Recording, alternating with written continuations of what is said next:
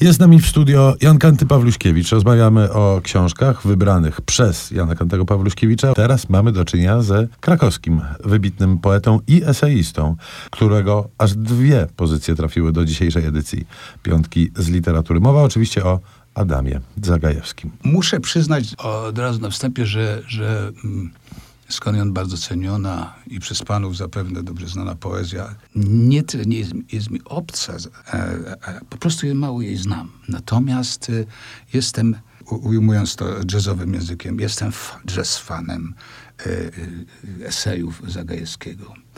Obrona żarliwości to nie jest nowość. Ten tytuł jest bardzo istotny. Obrona żarliwości w moim rozumieniu, a w interpretacji Adama Zagajewskiego, to jest zwrócenie uwagi, takie podłe słowo, pochylenie, no ale niech będzie to.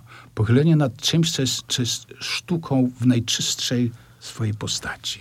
On akurat zachwycał się kwartetami Mozarta, które w sposób niewłaściwy były odbierane jako muzyka, która towarzyszy e, skądinąd pewnie wyrafinowanej, wyrafinowanemu bankietowi, ale uważał, że to jest, że to, jest, że to w, ogóle nie, w ogóle nie o to chodzi.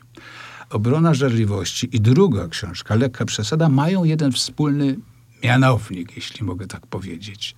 Na czym on polega? A więc polega on na tym, że y, układ słów, znowu wracam do estetyki, do estetyki języka, nieuchronnie kieruje moją uwagę w kierunku plastyki.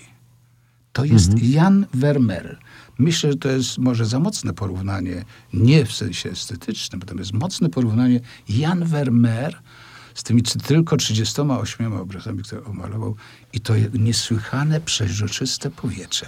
Podobnie jest u, u Adama. Czytając i, i obronę żarliwości, i lekką przesadę, mam wrażenie innego powietrza, powietrza przeźroczystego, w którym wszystko staje się dla mnie klarowne, jasne, lekkie i zdystansowane. A nie wszędzie jest mowa tylko o sprawach lekkich, do których należy mieć dystans, tylko mówi o bardzo, o bardzo istotnych faktach, natomiast w taki sposób, że nie czujemy tam nie czujemy przesadnej intencji w stosunku do tych faktów, które opisuje w tych, w tych esejach. Nie wiem, czy Państwo zwrócili uwagę, co się e, dziś w studio dzieje. Masłowska jak Alighieri, Zagajewski jak Wermer, aż się boję, co będzie dalej. A dalej będzie siłą rzeczy kosmicznie, bo książka Wojciecha Orlińskiego, biografia Stanisława Lema, Życie nie z tej e, ziemi. Zupełnie nowe, tak naprawdę pierwsze spojrzenie na biografię tego najwybitniejszego polskiego prozaika XX wieku. Pięknie pan to powiedział, aczkolwiek pan e, Jan Błoński, którego cytuję w tej książce, nie miał takiej opinii o literaturze. Podobnie jak wielu współczesnych e, Lemowi uważali to za, za, za literaturę jakiejś drugiej kategorii. Tak mówiąc e, zbyt może prostacko.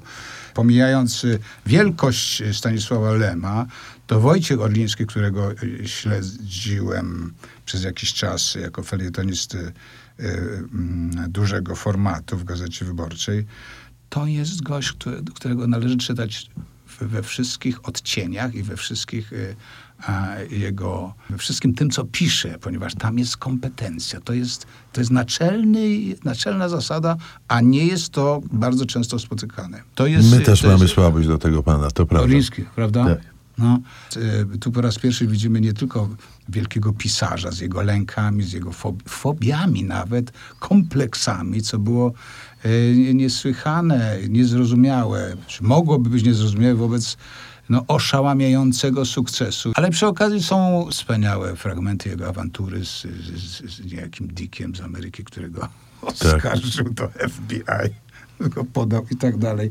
A więc ciekawostki, o których mówię, nie mają na razie nic wspólnego z, z, z jakąkolwiek analizą literacką, bo bym się na nią nie silił. Natomiast e, Wojciech Orliński jest rekomendacją samą w sobie. My Stanisława Lema polecamy e, niezmiennie, bo bardzo dziękujemy za e, rekomendację Jana Kantego Pawluśkiewicza, którego muzyki mieliśmy już okazję w piące z literatury dziś posłuchać. Natomiast wspomnieliśmy o mm, kwartetach Mozarta. To może jest e, dobry moment, żeby spędzić kilka chwil z Mozartem właśnie. Bardzo dziękujemy za wizytę w piątce. Dziękuję bardzo za zaproszenie.